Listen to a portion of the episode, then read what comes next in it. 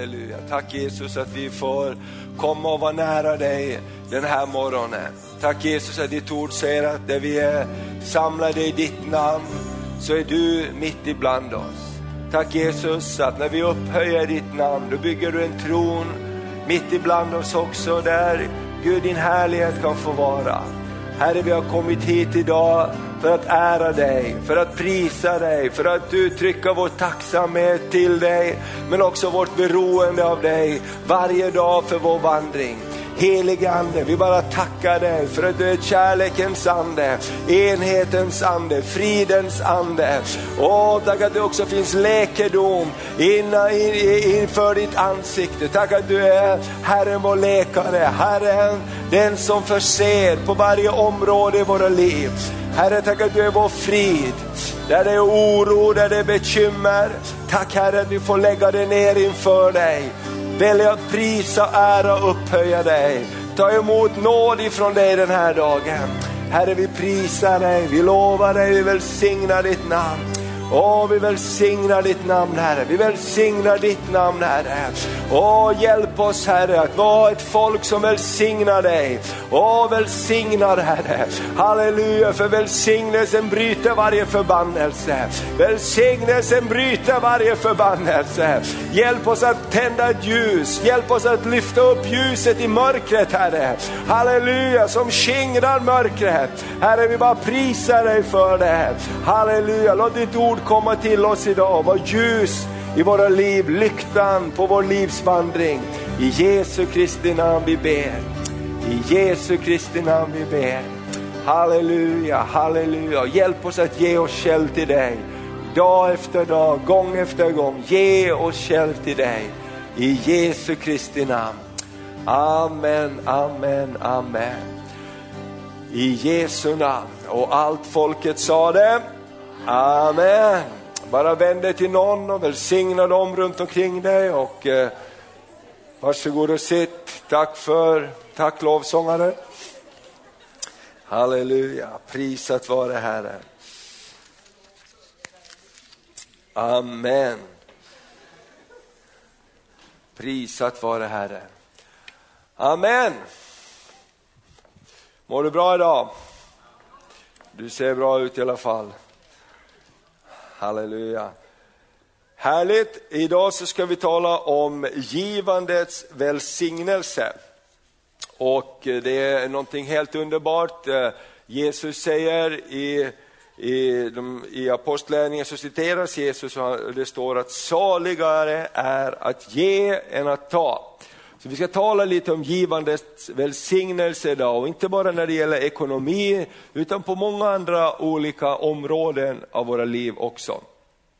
Innan vi går in i det så vill jag bara säga lite kort här, det som vi bad för Carl Gustav, han har opererat hjärtat här i veckan och, och därför bara ber vi om att eh, Guds hand ska vara över honom, han ska snabbt bli frisk igen. Och när det gäller Mikael Alvén så är han fortfarande sjukskriven så han har varit hela sommaren och är det faktiskt hela året ut, får inte predika och det är därför vi vill också ekonomiskt eh, stödja och hjälpa. För när man har sin inkomst genom att åka och predika och ha kampanjer och sin egen arbetsgivare så kan det lätt också skapa eh, stress i det, för man har ju alla kostnader med, med boende och familj och allting sånt ändå. Så bruk, har du inte hört om Mikael på länge och du brukar stötta honom, så bara fortsätt att göra det. Vi bara tror Gud, för han, hans gåva till Kristi kropp är otroligt dyrbar. Evangelistgåvan som bara kan bryta in och öppna upp som Mikael har på ett speciellt sätt. Unikt sätt skulle jag vilja säga. Och, och därför så ska vi bara stå tillsammans med våra bröder och systrar, eller hur? Amen. Amen. Så kommer vi tillsammans att få glädjas också. Så, vi ska börja med att läsa det här berömda ordet då, som står i Apostlagärningarna 20 och 35. Ett bibelord som vi brukar citera och eh, den som citerar det citerar utifrån den muntliga traditionen, därför att det här bibelordet finns inte i evangelierna, men eh, det finns i Apostlagärningarna. Eh, nu Ska vi se här om jag har skrivit upp rätt.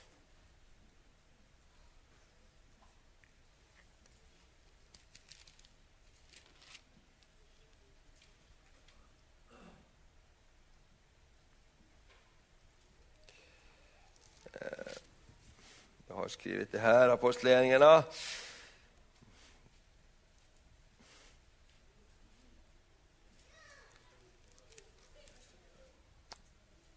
Det är slutet på versen. Det är alldeles riktigt. Det är inte så att jag ser dåligt, utan det är bara det att texten är liten. Så, nu ska vi läsa då. Står det så här, i allt, eh, det är ju Paulus avskedstal här till de äldste i Efesus och eh, han eh, ger en hälsning till dem här som ett avskedstal och så står det i allt har jag visat er att ni genom att arbeta på detta sätt ska ta an de svaga och komma ihåg det ord Herren Jesus själv sade. Det är saligare att giva än att taga. Det är saligare att giva än att taga. Och eh, helt uppenbart är det en stor sanning i det. Att vara en givare, det ger en salighet. Det är saligare att ge än att ta. Och jag slår upp i ett lexikon, vad betyder det här med, med salighet? Vad är det? Vi använder det i kyrkan ibland. Och så salighet, det är ett, eh, står det står här då, ett salighet, det är en, ett tillstånd av lycka, välbehag, upphöjt över jordelivets lidande och bekymmer. Det är väl bra? va? Salighet. Det är saligare att ge än att ta. Du blir salig av att ge och blir upphöjd över jordelivets lidande och bekymmer. Och som kristna så är det här ihopkopplat med den tro vi har i Jesus Kristus och det himmelska hopp vi äger i honom. Men det var så bra skrivet i det här lexikon som jag slog upp. Det är ett tillstånd av lycka och välbehag. Halleluja. När vi ger så händer det någonting med oss i vårt liv, i vår livsstil, när vi har den livsstilen. Och vi blir på något sätt upphöjda över jordelivets lidande och bekymmer. Amen, därför vi blir ihopkopplade med någonting större än oss själva. Och vi inser att vi lever inte bara för oss själva, utan vi lever också för någon annan. Vi, vi, vi finns till därför att det som vi har, det du har, det är, det är någon annan också som kan ta del av det. Och givande det är en attityd, det är en livsstil. Alltså någonting också som man inte bara är utan någonting som man kan bli, någonting som man kan växa i och bli mer uppfylld av, någonting man kan gå in i, är givande. Och, och vi vet att eh, Sackeus, han blev ju förvandlad på det här området. När man möter Jesus så kan man bli förvandlad. Han var ju inte alls en givare, han var istället riktigt girig och han bara snodde och roffade åt sig och till och med tog det som inte var hans så han bara fyllde sig själv. Så kom Jesus in i hans hus. Kommer du ihåg berättelsen? Sackeus kom ner ifrån trädet. För också människor som har mycket och, och, och, och roffar åt sig, de har också behov av Jesus. Amen. De har också behov av Jesus. Och då så kom de ner, kom han ner och gästade hans hus och när de satt där så sa Sackeus, idag så, så vill jag ge tillbaks och, och, och, idag så vill jag dela ut av det som jag har i mitt hus. Och Jesus eh, sa, idag har frälsning vederfarits detta hus. Så någonting händer med oss också och kan hända med oss. Så om du har tänkt så här, nej men jag är en snål en, jag är liksom, min farfar var snål också, lite, det var lite svårt det här. Va? Så vet du att man kan bli förvallad på det området. Eller hur? Man kan bli förvallad och förändrad på det här området. Så man kan vara en givare på många, många olika områden i våra liv. Och vi är ju barn till den största av alla givare, Gud. Vi är Guds barn, eller hur? Och vad står det i Johannes 3 och 16? Ty så älskade Gud världen att han utgav sin enfödde son.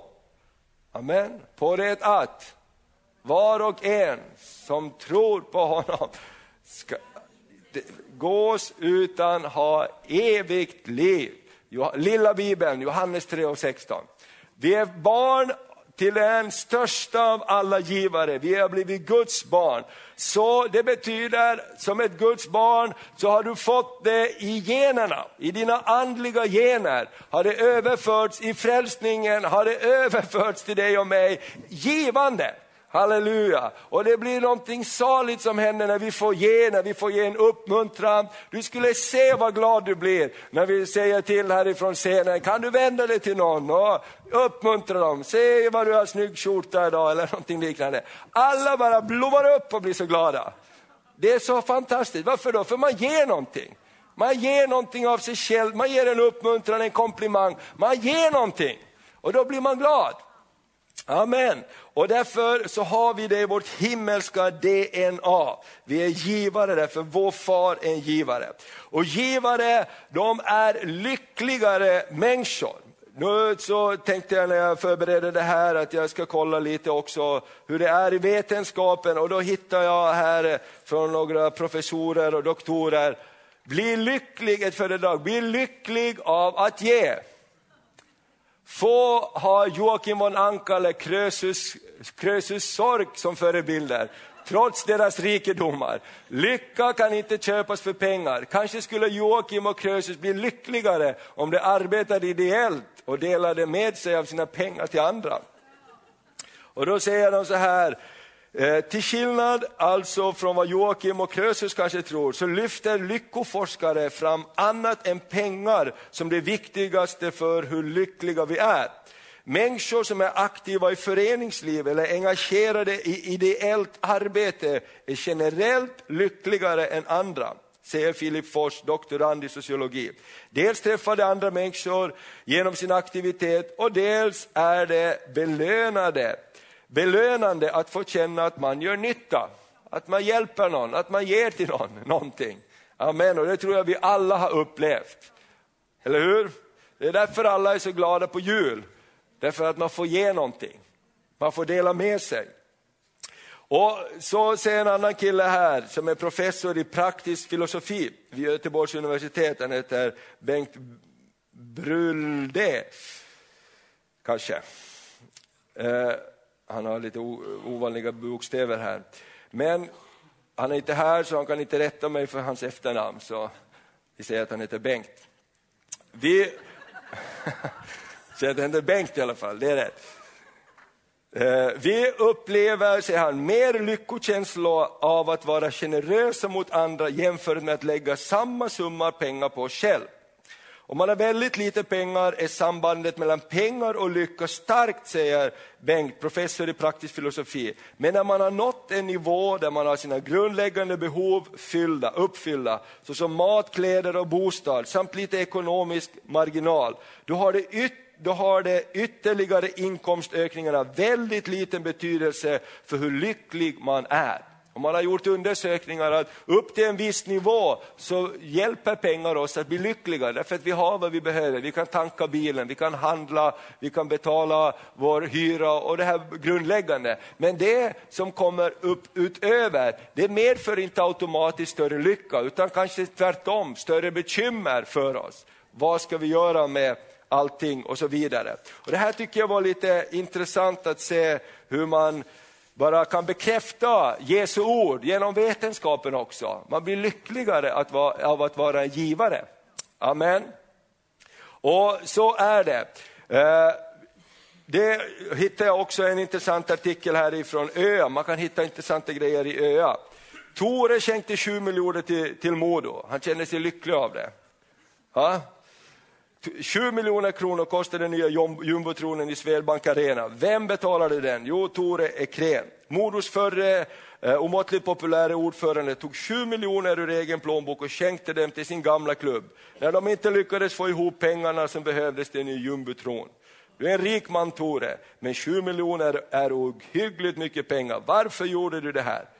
Pengar, så svarar han, pengar har inget värde om de inte används på ett meningsfullt sätt. Och det tycker jag att det här är. Jumbotronen är bra för mor och bra för publiken. Och jag har inga barn och har tjänat pengar i Örnsköldsvik och då är det väl bra om det också används här. Och, eh, och sen förresten säger han, en annan sak som är bra med jumbotronen, bilden är så bra och nu eh, blir det enklare för publiken att hjälpa domaren på repriserna. Jag tänker också, ha då, då kunde man ju tänkt så här att, att, att ja, men, eh, varför ska han ge bort det? Jo, därför att han kände det här ger ett mervärde till mig. Därför jag gör någonting för någon annan. Och därför så är det verkligen så som Jesus säger, det är saligare att ge än att ta. Och, och eh, det är det som hela Bibeln, egentligen Bibelns budskap går ut på. Gud som ger och han ger. Han ger oss förlåtelse, han ger oss nåd. Han ger oss varje morgon, är hans nåd ny mot oss. Han ger oss uppmuntran. Gud är den största av alla givare. Hur många gånger har du sagt förlåt till honom? Gud förlåt mig massor av gånger och han har en så rik källa av förlåtelse att ösa över dig och mig så att han kan förlåta oss gång på gång och hjälpa oss gång på gång. Och som han är, så vill han också att vi ska vara. Så några punkter som områden, eh, och några områden där Bibeln uppmanar oss att vara givare. För det första, första området, ge ditt bästa till Gud. Ge ditt bästa till Gud. Ge till ditt bästa till Gud. Och vi ska läsa i Markus det tolfte kapitlet. Markus 12 och från vers 28.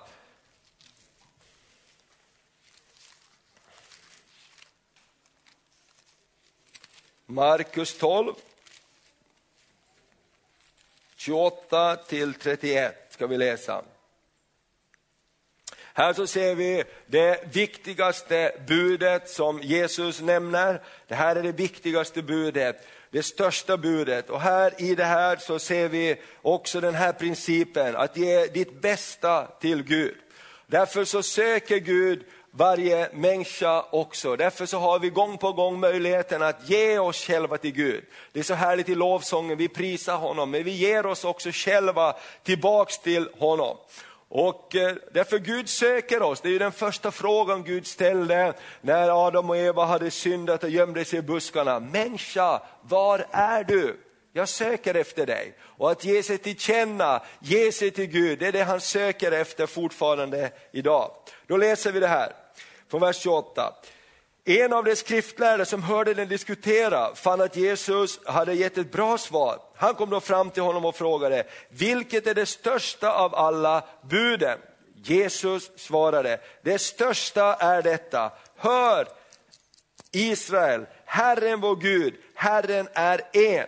Du ska åkalla du ska älska Herren din Gud av hela ditt hjärta, av hela din själ, av hela ditt förstånd och av hela din kraft. Sen kommer detta, du ska älska din nästa så som dig själv. Inget annat bud är större än dessa. Och, och, här så ser vi att Jesus verkligen säger, det här är den första prioriteten. Älska Herren din Gud. Ge kärlek till Gud. Amen. Av hela ditt hjärta. Och det, han tar ju i här också. Uh, av hela ditt hjärta, ja det är ju en sak. Jag älskar Gud i mitt hjärta, jag tycker om Gud i mitt hjärta. Eller hur? Vi har sagt det, jag har förlåtit dig i mitt hjärta och jag tänker på dig i mitt hjärta. Men det är ju en ganska begränsad form det här hjärtat, eller hur? Det behöver komma ut ur hjärtat. Eller som det här ordspråket säger, att det hjälper ingen människa att du tänker på henne. Det hjälper en människa först när du gör någonting för henne. Eller hur?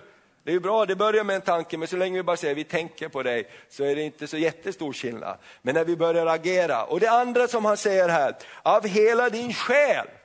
Det betyder att vi kan ge det för bästa till Gud av vår själs liv också.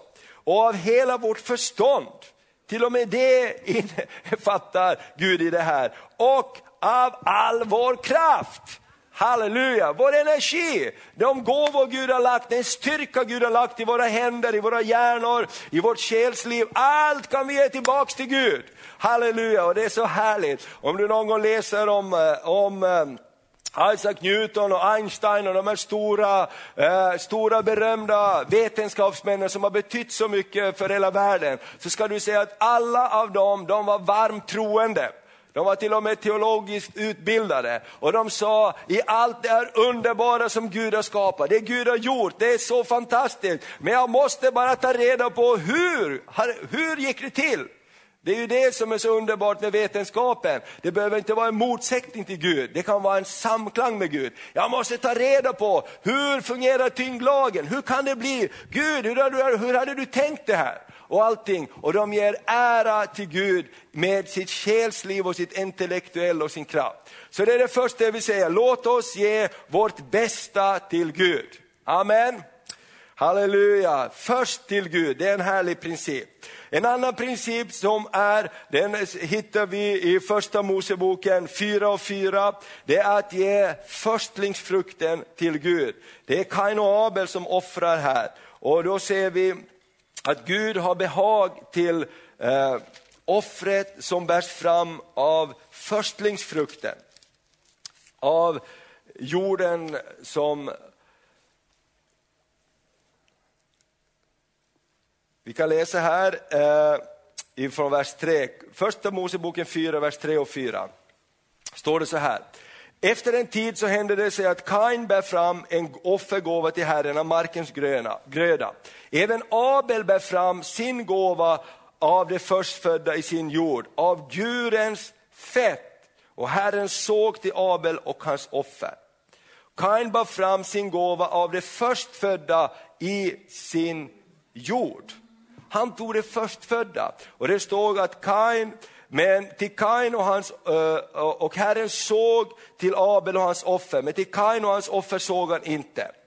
Därför blev Kains äh, äh, blick, äh, Kain mycket vred och hans blick blev mörk. Och så är det en intressant fortsättning där. Men här kan vi se principen hur Abel han gav en förstlingsfrukt till Gud. Och jag tror det är en viktig princip i våra liv när det gäller givande. Ge först till Gud.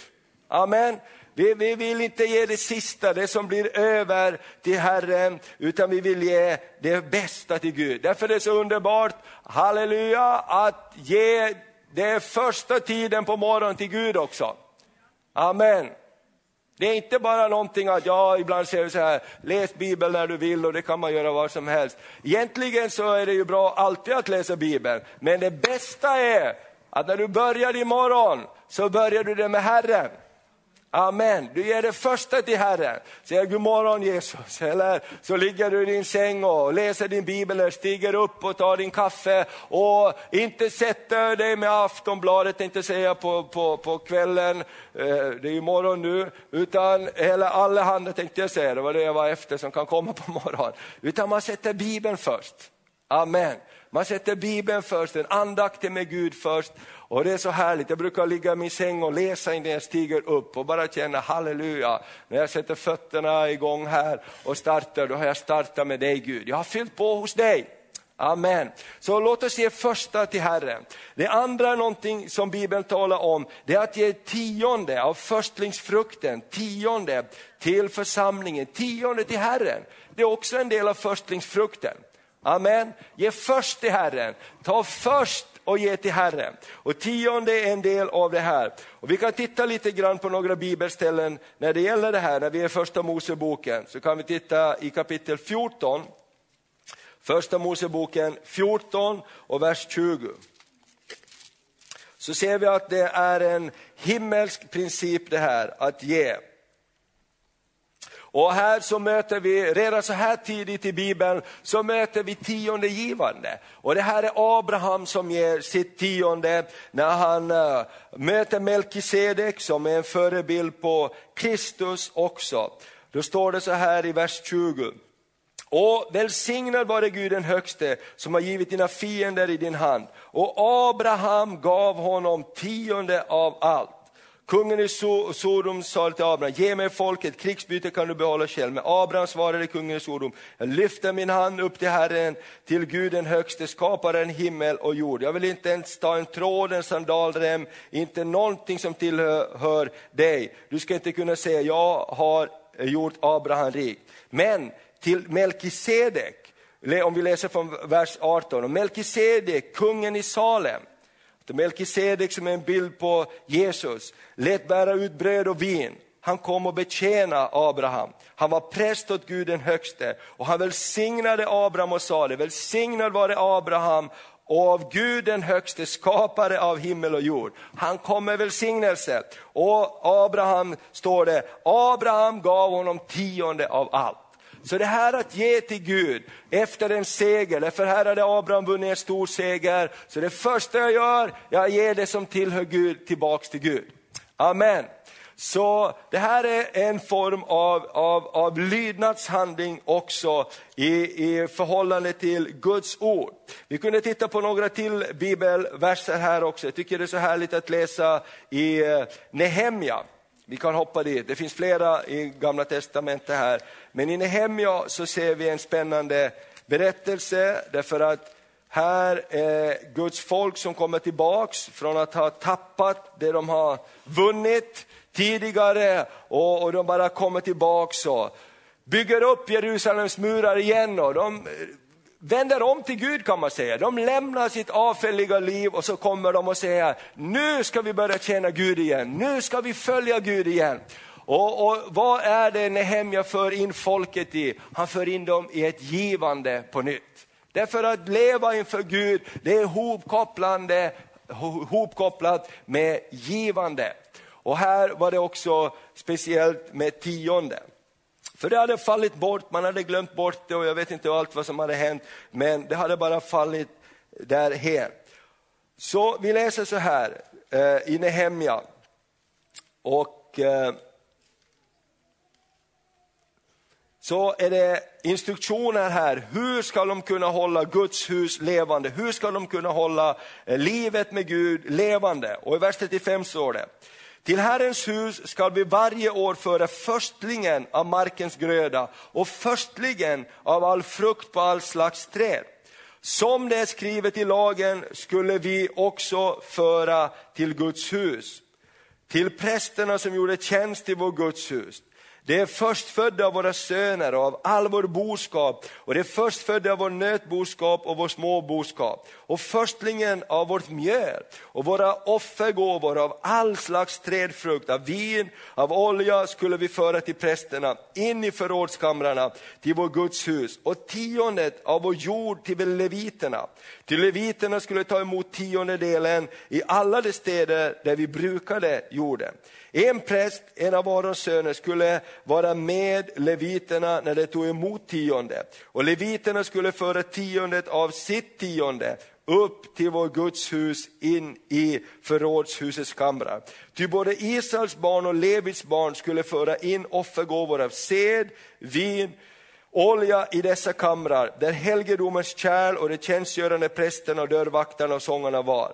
Och så står det så här i den sista raden, vi skall inte försumma vår Guds hus.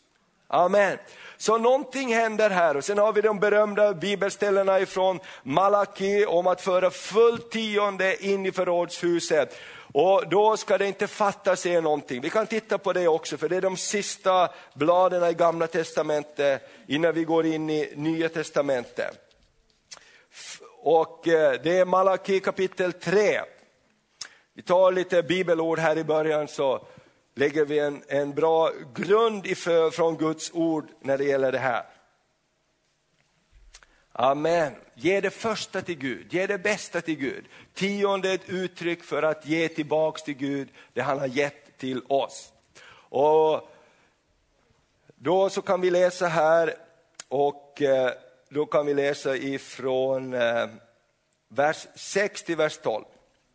Jag, Herren, har inte förändrat mig. Det är också spännande. Gud förändrar sig inte, varken i nya eller gamla testamentet, på vissa saker. Och tiondet var ju någonting som fanns långt innan lagen, för Abraham var ju alldeles i början. Sen kom ju lagen efter det att Israels folk hade varit i Egypten och blivit fria från Egypten. Och när de var ute i öknen så gav Gud dem lagen för att de skulle hålla sig på vägen. Men långt innan det så var det här en biblisk princip. Och så ser vi så här vad Gud säger i vers 7. Allt sedan era fäders dagar har ni vikit av från mina stadgar och inte hållit dem. Men vänd om till mig så ska jag vända om till er, säger Herren Sebaot. Men ni frågar, varför ska vi vända om? Och då är svaret, får en människa stjäla ifrån Gud, ändå stjäl ni från mig. Ni säger, vad har vi stulit ifrån dig? Jo, tiondet och offergåvor. Förbannelse har drabbat er, för ni och hela folket stjäl ifrån mig. Men för in allt tionde i förrådshuset så att det finns mat i mitt hus. Precis som Nehemja sa till folket, vi ska inte försumma vår gudshus, vi ska inte se till att det blir ödelagt igen, vi ska se till att det fungerar. Och så står det, så att det finns mat i mitt hus här i vers 10. Pröva mig nu i detta. Och det här, det här tror jag är enda platsen i Bibeln där Gud säger, gör någonting och pröva mig sedan. Pröva mig nu i detta, säger Herren, Sebot, om jag inte kommer att öppna för er himlens fönster och låta välsignelse strömma ut över er i rikt mat. Min vän, Gud är aldrig ute efter att ta någonting ifrån dig, han är ute efter att välsigna dig. Han äger allt, eller hur? Han är El Shaddai, överflödets Gud. Han har inte behov att ta någonting ifrån oss, men han har behov att vi kan komma in i ett eh, gemenskap med honom så att välsignelsen kan flöda. Och så står det så här så underbart, och jag ska för er näpsa gräshopporna så att de inte fördärvar frukten på marken. Det här betyder, mina vänner, att gräshoppor kommer och försöker fördärva det. Det betyder inte att man blir fri från gräshopporna, de kommer där. Eller hur? Det är ingen automatik att nu betalar jag tionde och så kommer det security från himlen över mig liksom som en bubbla. Va? Vi är i den här världen, utan det är en överlåtelsehandling till vår himmelske fader. Och när tiden går så kommer du att se att det håller att lita på Gud. Amen. Och så står det, jag ska näpsa gräshopporna så att de inte fördärvar frukten på marken. Inte heller ska vinstocken på fältet bli utan frukt, säger Herren Sebaot. Och alla folk ska prisa er lyckliga, för ni ska vara ett ljuvligt land, säger Herren Sebaot. Amen. Vet du att det kommer dagar, det kommer tider då Guds församling kommer att utgöra en skillnad som aldrig förr. Amen, i vårt samhälle. Det är så på stora delar, i stora delar av världen, där det är nöd, där människor inte vet hur de ska klara sig, så har kyrkan öppnat en dörr till hjälp. Det har man gjort i alla tider. Det så ser vi att de gjorde i, i, i apostlagärningarna, insamling till de fattiga i Jerusalem, de som inte hade mat så att de kunde få mat. Eller hur? Det ligger någonstans i det där, så att det finns mat i mitt hus. Andlig mat, fysisk mat. Och jag tror verkligen att dagen kommer när man ska vända sig till Guds folk, också i samhället, för att få hjälp och stöd. Amen. Halleluja. Och det händer när vi ger och är givare tror jag och kommer in också i överlåtelse, i lydnad på det här området. Och jag vill bara läsa, när vi pratar om det här, eh, också två ställen från Nya Testamentet där Jesus talar om tionde. Och eh, för det är nämnt här också. Eh, vi kan titta i Markus 12 och vers 13 till 17.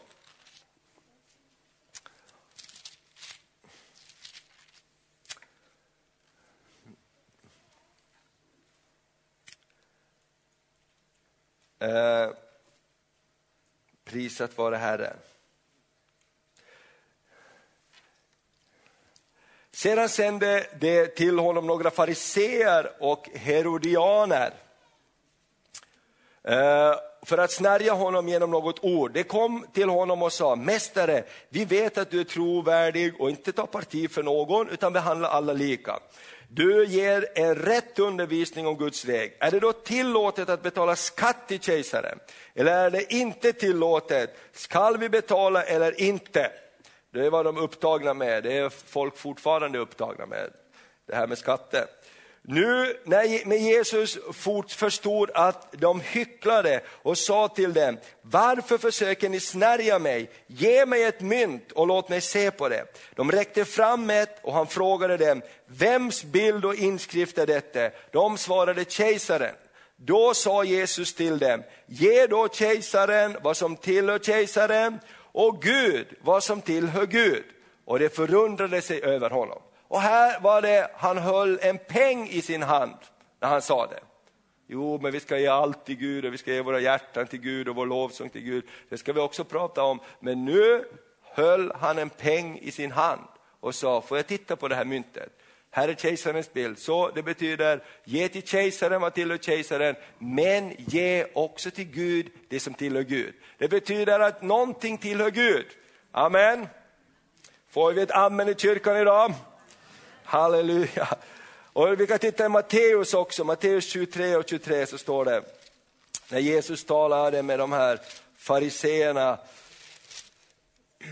och eh, skriftlärde, då så lyfter han upp det här med tionde som eh, en självklarhet. Men inte bara gömma sig bakom det som en teknik, utan det måste finnas ett hjärta i allting.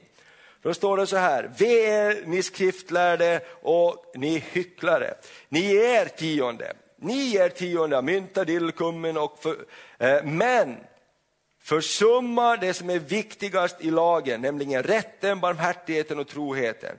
Det ena borde ni göra utan att försumma det andra. Ser du här? Jesus säger, ni som är fariseer och laglärda och så duktiga, ni ger tionde av det som ni har blivit lärda. Men ni glömmer någonting annat som är viktigt, troheten, rätten och barmhärtigheten. Det ena borde ni göra, men inte glömma att göra det andra. Så Jesus tar på inget sätt som helst avstånd från den här bibliska principen att någonting tillhör Herren. Och jag tror så här också att det som händer när vi är tionde, det är att himlen blir öppen över oss. Amen. Himlens fönster blir öppen för oss. När vi som församling ger tionde ut så blir det en öppen himmel över oss. Därför vi lever inte bara för oss själva utan det finns någonting där. Och jag tror att det är Guds försörjningsplan för sitt rike och sitt folk. Amen. Vet du vad, det borde inte finnas någon brist i Guds rike. För när du och jag, vi ger tionde av de pengar vi får in, då blir församlingen välsignade. Men vi blir också välsignade. Och vi får en skatt i våra hjärtan. Guds rike blir viktigt för oss. Amen. Amen. I praktiken skulle det betyda så här, med lite enkel matematik, där det finns tio familjer som tjänar pengar, så skulle jag kunna avlöna en familj som skulle kunna tjäna Gud heltid egentligen. Nu har vi en massa system av avgifter i samhället så det går inte riktigt så enkelt. Men i praktiken är det så, det borde inte finnas en brist. Och jag tänker så här, Gud hjälp oss på det här området. Och jag ser så många platser där det finns så stor brist i Guds rike och man kan fråga sig, hur är det församlingen? Är vi trogna när det gäller det här? Eller struntar vi i det här? Förväntar vi oss få Guds välsignelse men vi lever på ett annat sätt? Amen. Så jag tror det här är en viktig princip att vi håller helig inför Herren när det gäller att ge till Gud. Amen. Så nu har vi talat om det ekonomiska och nu ska vi prata om lite andra saker. Men låt tionde vara någonting dyrbart som en helig sak inför dig och Gud. Och du kommer, när du gör det först, sätter för, tänker så här, jag ska ge förstlingsfrukten till Gud. Amen, inte det sista, utan jag ska ge det första till Gud. Då kommer det att hända någonting så småningom i ditt liv som också gör dig ödmjuk och kanske med dig, gör dig att du måste be lite mer till Herren och säga Gud, nu måste du verkligen hjälpa mig. Amen. Men det finns någonting underbart där, halleluja. Amen. Halleluja, jag säger bara, vår bästa tid ligger framför. Din bästa tid ligger framför. För Bibeln säger när dyrtider kommer så ler Gud åt dyrtider. Halleluja, och den som är ihopkopplad med himlen, den har någonting att hålla fast vid. Halleluja, vi är ihopkopplade med himlen, vi är inte ihopkopplade med konjunkturen i första hand, utan vi är ihopkopplade med himmelens Gud. Amen. Och som, som, som Bibeln talar om var det Isak som sådde i hungersnöd och han fick en stor skörd. Amen. Även i hungersnöd så kan Gud förbereda en körd för oss. Och jag vet, Lesse Samla predika om det här, när han började predika så sa han överallt på missionsfältet, där inte människor hade pengar, så sa han ta vad du har. Ta vad du har. Så den första kyrkan, han, Lester Samra var en stor, eh, han är död nu hemma hos Herren, var en stor missionsprofil och predikade över hela världen. Och han skapade det här innan han dog, det här uh, feed, uh, feed, the Nations, att mätta de hungrande över hela världen med, med både fartyg och flygplan och allt möjligt vad han hade.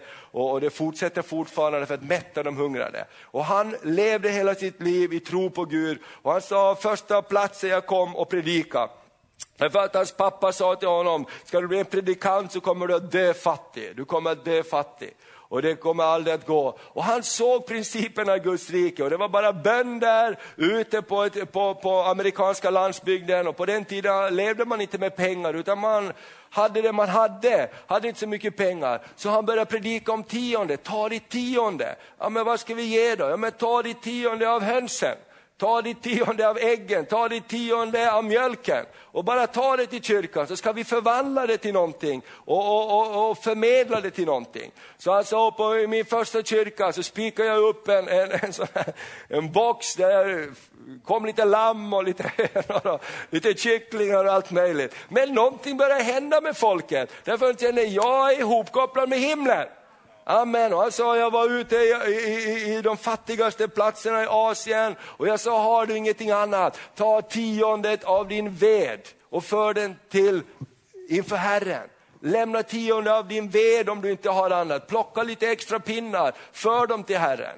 Och, och, när första gången när eh, Ryssland öppnade Sovjetunionen på den tiden så, så kom de in och predikade evangeliet. Jag vet, Carl Gustav var med och det första de gjorde tog, tog upp ett offer. Och de sa de andra, jo men det här är Sovjetunionen, här kan du inte ta upp offer, här ska vi ju ge. Nej, sa han, om vi vill se det här folket förvandlat så måste de börja ge till Gud där de är just nu.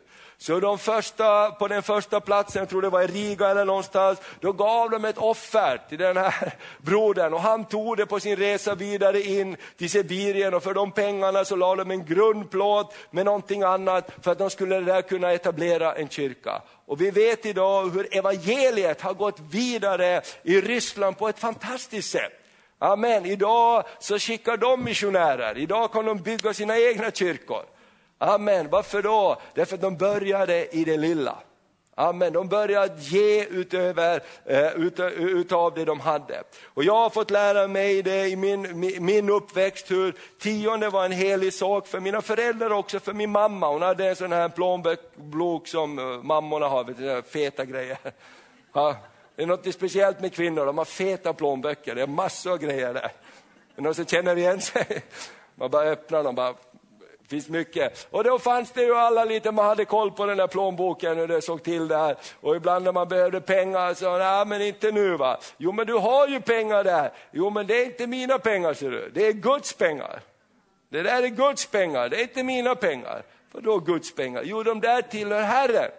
Därför är de där i ett speciellt fack, till ett speciellt tillfälle när vi ska ge dem tillbaks till Herren. Och det där är ju någonting välsignat att ha med sig. Därför att precis som de här professorn här, professor Bengt och hans kompis doktoranden Filip, de har kommit fram till, man blir lyckligare av att ge. Man blir lyckligare av att vara ihopkopplad med någonting större. Och vi är ihopkopplade med himmelens Gud. Halleluja!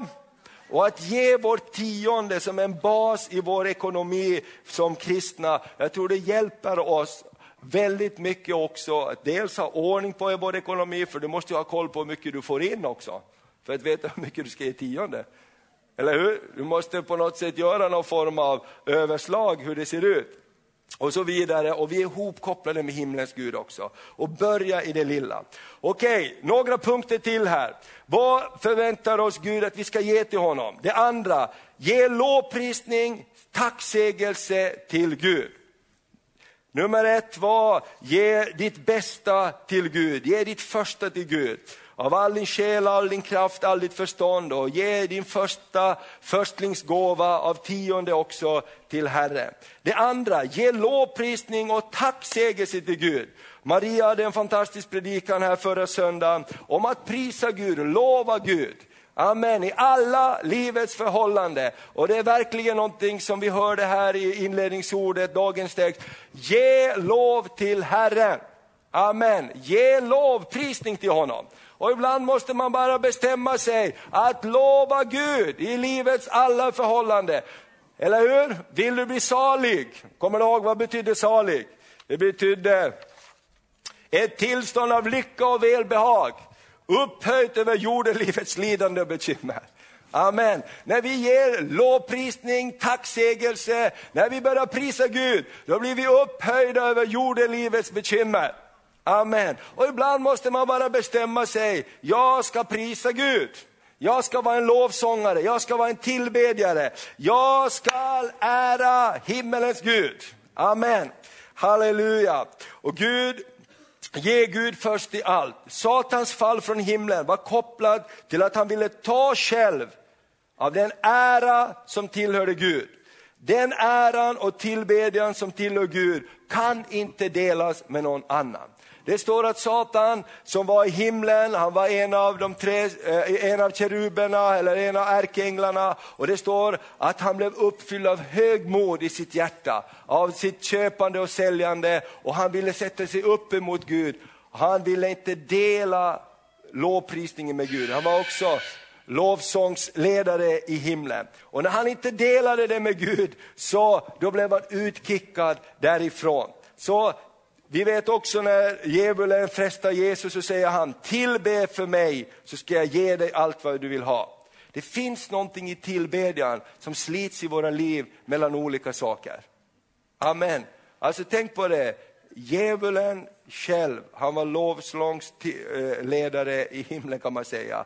Och frågan om tillbedjan blev brytpunkten som gjorde att han blev nedkastad. När djävulen kom inför, Jesus kom inför djävulen och, och, han blev frestad av djävulen så var en av punkterna på djävulens frestningslista, fall ner inför mig och tillbe mig så ska jag ge dig vad du vill ha. Det finns en kamp där. Någonstans så måste vi säga så här, jag ger min lovsång till Gud.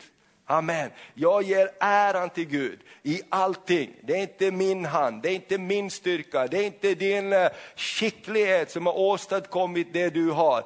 Gud har gett dig kraften och lagt ner dem i dina händer. Gud har gett dig intellektuellet, Gud har gett dig tankarna att tänka. Amen. Så därför får vi alltid gå tillbaks till Gud och ge Gud äran för allt han har gjort och allt vad han gör. Amen. Och det är också vår himmelska kallelse att vara ett heligt prästerskap i Guds tempel. Och en annan sak, Fader vår till exempel, den börjar med att prisa Gud. Fader vår som är i himlen, helgat vare ditt namn. Jag lovar och prisar ditt namn. Det avslutas med, hur avslutas Fader vår? Ty riket och makten och äran är din i evigheternas evighet. Den slutar med att tacka och prisa Gud. Amen. Så den här punkten, ge lovprisning, tacksägelse till Gud i också livets alla omständigheter. Amen. Sen en annan grej, nummer tre på mitt papper. Det står så här, ge lovprisning och tack till varandra. Det är också någonting. Det står i Romarbrevet eh, 12 och 10 att vi ska överträffa varandra med, eh, med, med heders, inbördes hedersbevisningar. Så vi ska också eh, ge tack till varandra. Amen. Och Det här är någonting tror jag vi alla behöver träna på, att uppmuntra och tala ord av hopp och liv till varandra. Och, och, och, Bibeln säger att när vi gör det, då förlöser vi någonting gott. Därför ord är bärare av liv. Amen.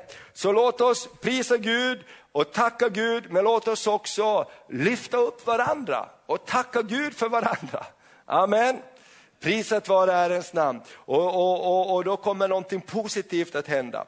För det fjärde, det här är lite tuffare grej. Bibeln säger, ge till dem som inte tycker om dig. De som tänker ont emot dig. Och, och i, i tisdag så fick vi ett fantastiskt exempel på det mellan palestiniern och juden som stod på samma plattform och vittnade och berättade om vad Guds kärlek kan göra bryta ner hat. Och I Matteus 5 så ska vi läsa det här, för det är verkligen utmanande. Att vi ska ge till dem som inte tycker om oss. Vad ska vi ge till dem för? Bibeln säger att vi kan samla glödande kol på deras huvuden på det sättet. Vi kan övervinna det onda med det goda. Och i Matteus 5 så står det så här från vers 38. Eh, Matteus 5 och 38 till 44. Då står det så här. Ni har hört att det är sagt öga för öga och tand för tand. Jag säger er, stå inte emot. Vad står det? Stå inte emot den som är ond. Utan om någon slår dig på den högra kinden, så vänd också den andra till. Om någon vill ställa dig inför rätta och ta din livklädnad, så låt honom få din mantel också. Om någon tvingar dig att gå en mil, så gå två med honom. Ge åt den som ber dig och vänd dig inte bort från den som vill låna av dig. Ni har hört att det är sagt, ni, du ska älska din nästa som din ovän. Jag säger, nej, du ska älska din nästa och hata din ovän.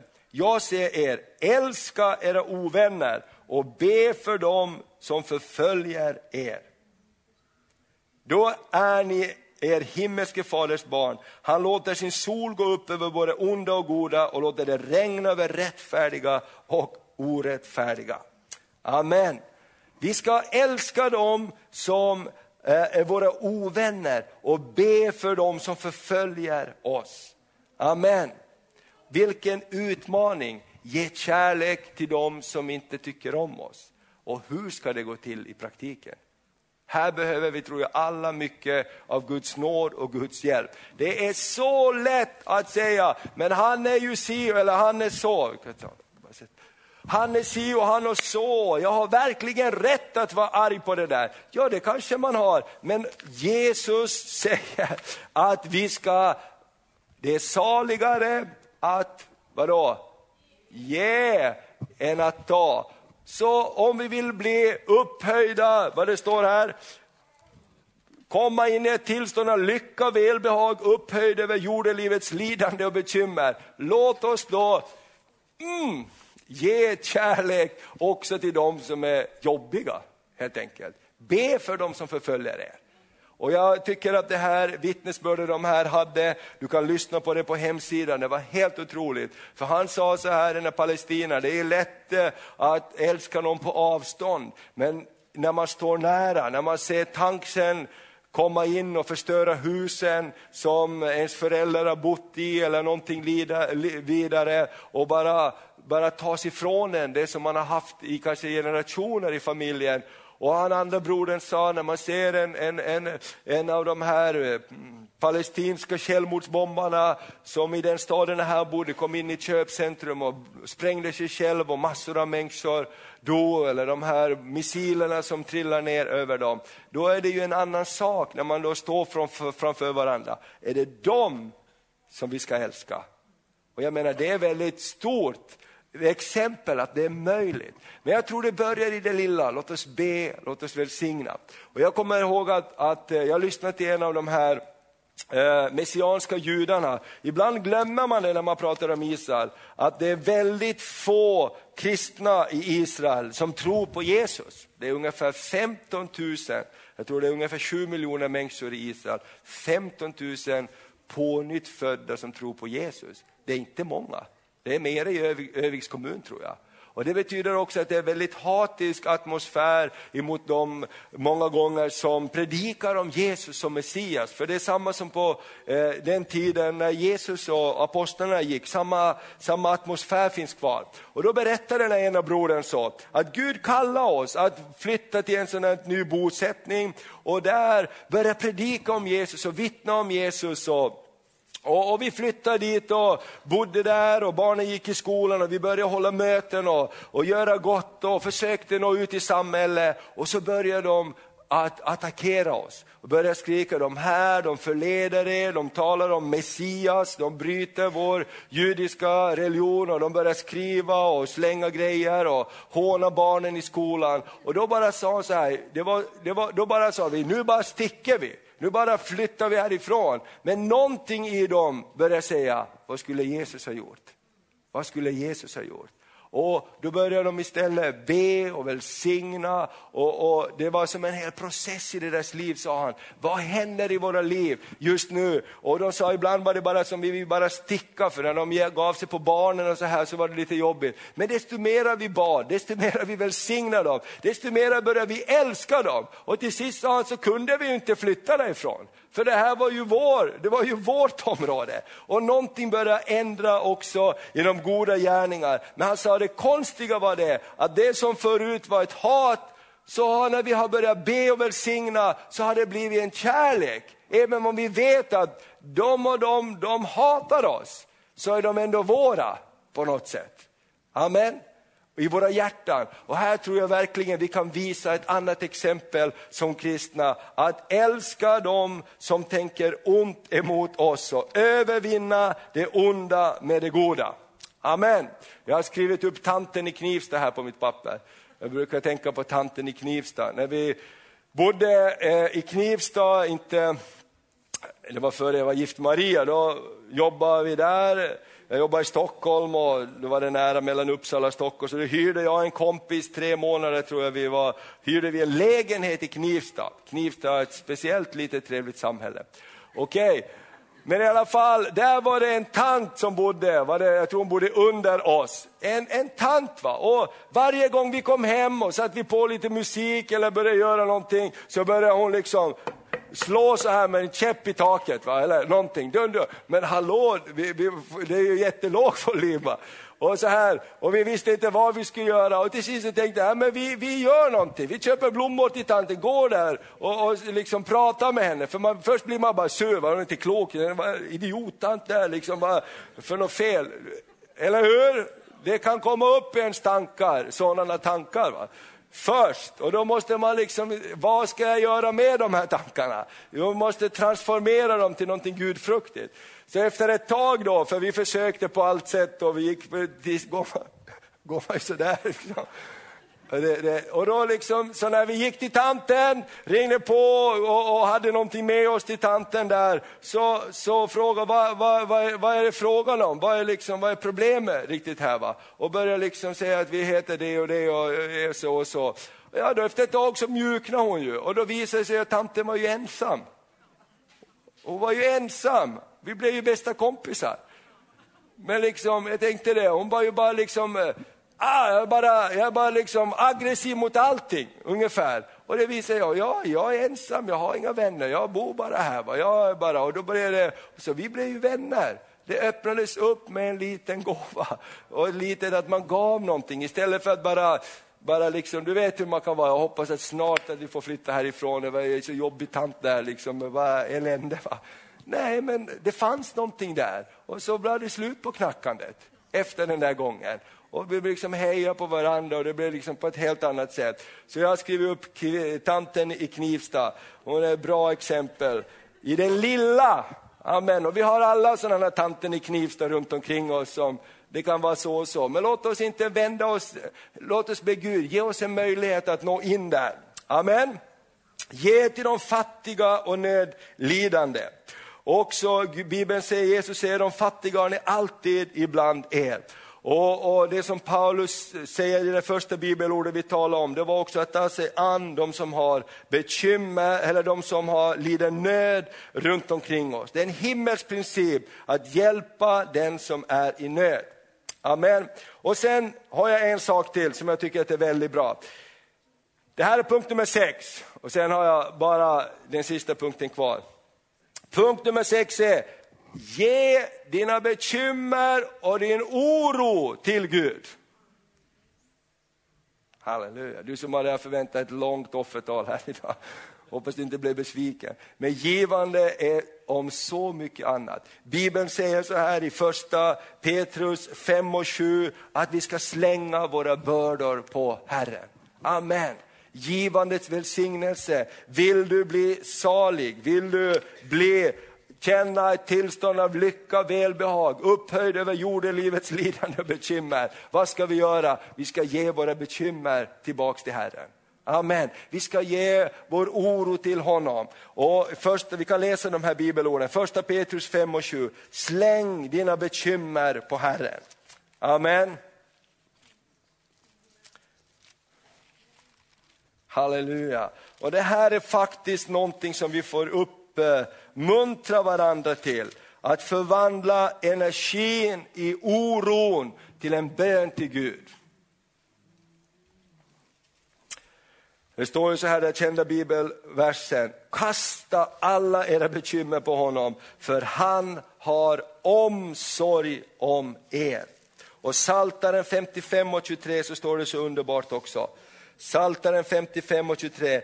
Kasta din börda på Herren, han ska uppehålla dig. Aldrig ska han låta den rättfärdige vackla. Kasta din börda på Herren. Amen. Så den sjätte punkten i givandets glädje, ge dina bekymmer till Herren. Amen. Hur ofta bär vi inte våra bekymmer? Och bekymren har jag märkt, de har en fantastisk energi i sig. Har du märkt det? Är du bekymrad, det, det är knappt så det går att sova. Eller hur? Det förlöses en massa energi i oron och bekymren. Och tänk att Gud säger, ta, dem, ta den energin och förvandla den till en bön till Herren. Amen. Ta den energin som oron och bekymren skapar och vänd den till en bön och släng det på Herren. Amen. Ge dina bekymmer till Herren. Han har lovat att bära det, det, dem åt dig. Och det är ditt val att ge bekymren till honom. Amen. Kan du säga till din granne, kom ihåg att ge dina bekymmer till Herren. Kom ihåg att ge dina bekymmer till Herren. Amen. Halleluja. När vi gör det då händer någonting underbart. Då blir vi upphöjda över jordelivets lidande och bekymmer och får uppleva ett tillstånd av lycka och välbehag. För Gud bär mig. Amen. Gud bär mig. Jag vet inte hur det ska gå, men jag har gett det här till Herren. Jag har gett det här till Herren. Åh, vad det är viktigt! Amen. Alla föräldrar som ber för sina barn och är oroliga för sina barn för så mycket. Åh, det är så bra att koppla ihop med himlen. Ge dina bekymmer till Herren, ge dina bekymmer till Herren, ge dem till Herren. Halleluja, och så bär han dem och så, bär, så, så, så ger han oss styrka att bära det vi ska bära. Amen. Och den sista punkten, det är den allra största punkten. Säg, det här blir den svåraste punkten. Men den mest välsignade punkten. Amen, det var svårt att säga det till och med. Det här blir den svåraste punkten. Men den mest välsignade punkten. Amen, härligt. Det är att ge dig själv till Gud. Amen. Ge dig själv till Gud. Amen. Att ge sig själv till Gud, det är någonting som vi får fortsätta med resten av våra liv. Ge oss själva till, till Herren. Och Matteus 16 så står det så underbart om det här. Hur Jesus pratar om det här. Att vi ska ge oss själva till Herren, ge oss tillbaks till, till det som han har gett oss.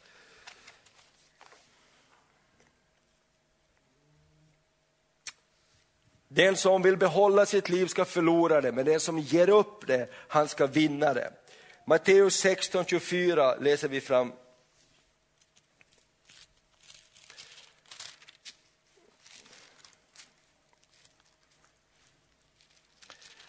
står det så här, Jesus sa till sina lärjungar, om någon vill följa mig ska han förneka sig själv och ta sitt kors på sig och följa mig. Den som vill bevara sitt liv, han ska mista det, men den som mister sitt liv för min skull, han ska vinna det. Ty vad hjälper det en människa om hon vinner hela världen men tar skada till sin själ? Eller vad kan en människa ge utbyte mot sin själ? Människosonen ska komma i sin faders härlighet med sina änglar och då ska han löna var och en efter hans gärningar. Amen. Att ge upp sitt eget för att följa Jesus, det är lärjungaskapets stora utmaning. Det är så lätt att ha sin egen agenda. Och där är Petrus det stora exemplet för oss, hur han bara fick bryta ner sin egen styrka och kraft för att Gud skulle bli hans styrka och kraft och att ge sig själv till Gud, ge tillbaks till Herren alla välsignelser han har gett oss. Bara säga Gud, vi ger det tillbaks till dig. Jag vill ge det tillbaks till dig. Jag vill vara ihopkopplad med dig. Och andra Korinthierbrevet 8 och 5 säger, Paulus säger ja, till makedonierna, de gav mer än vad vi har kunnat hoppas på. De gav inte bara av sina pengar, de gav sig själva. gav de. Amen. Först till Herren men också till oss. Det finns någonting där att ge upp sitt eget för någon annan, för någonting annat, någonting som är större än det vi är själva. Och när vi ger oss till Gud så kommer vi att komma längre, djupare, bredare och högre tillsammans med honom. Amen. Och det här är ju någonting tror jag som vi får jobba med hela vårt liv. Så håll inte tillbaks, lita på Gud. Han har lovat att bära dig. Amen. Så låt oss ge det bästa först till Herren. Låt oss ge det första till Gud, det var den första punkten. Det andra, ge lovprisning och tacksägelse till Gud. Och det tredje, prisa och tacka varandra, överträffa varandra i inbördes hedersbevisning, uppmuntra varandra. Det fjärde, ge till dem som inte gillar dig. De som tänker ont emot dem, be för dem, älska dem, ge någonting till dem. Det femte, ge till de fattiga och nödlidande vi har ibland oss. Det är en himmelsk gudstjänst. Det sjätte, ge dina bekymmer, din oro, dina bördor till Gud. Och det sjunde, ge dig själv till Gud.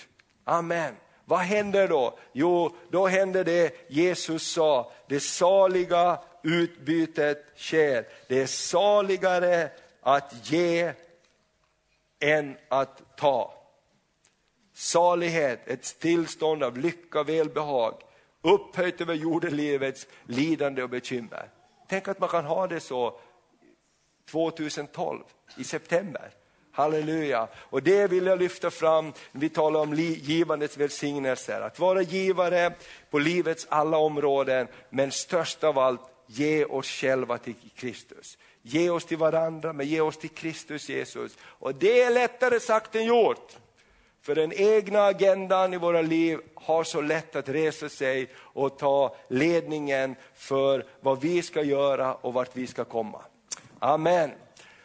Halleluja, så givandets välsignelse. Halleluja, låt oss vara givare mer än någonsin det här året. Ge av det vi har, men också ge av våra liv.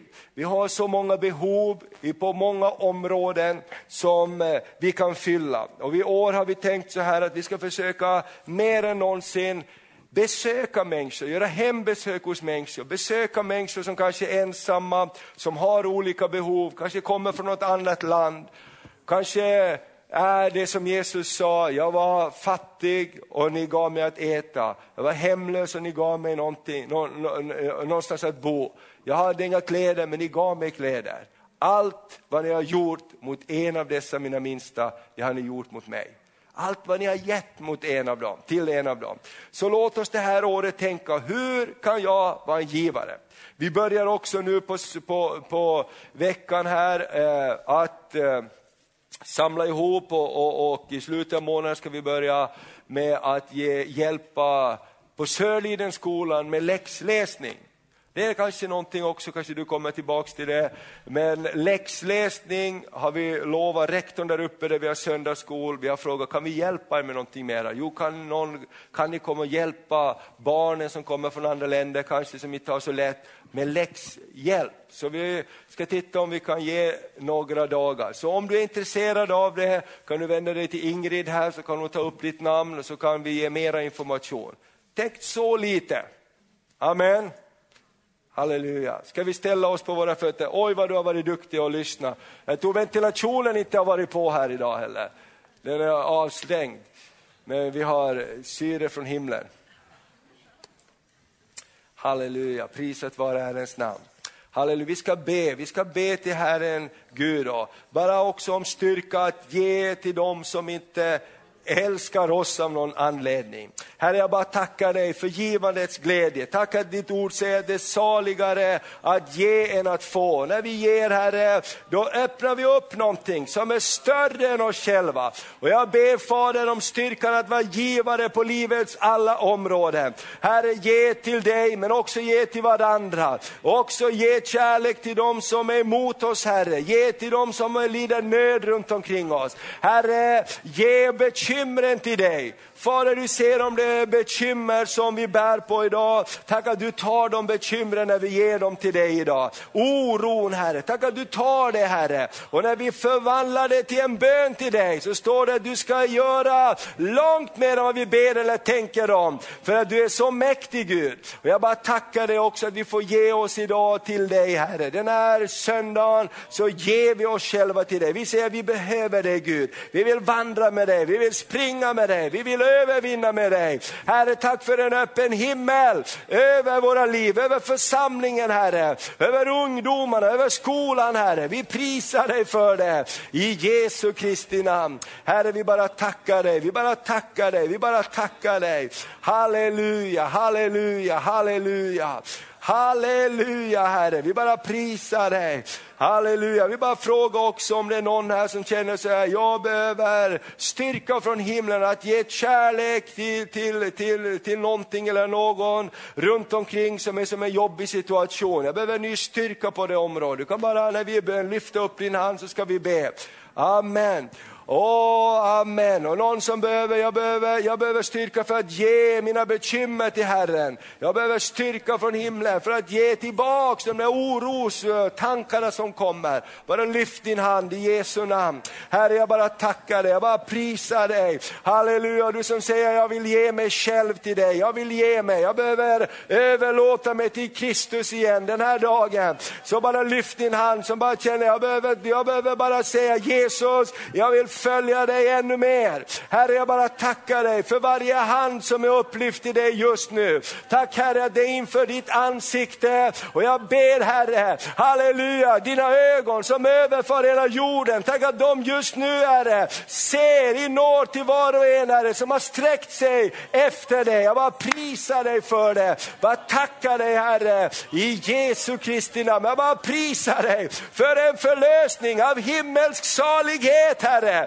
Halleluja, upplyft över jordens oh, lidande och bekymmer. Ett tillstånd av lycka och välbehag. Därför att saligheten vi har, den kommer från himlen. Herre, vi bara prisar dig för det. Halleluja, bara ber om det, himmelsk salighet. Därför att vi har gett till dig Herre, av våra liv. Vi bara prisar dig för det.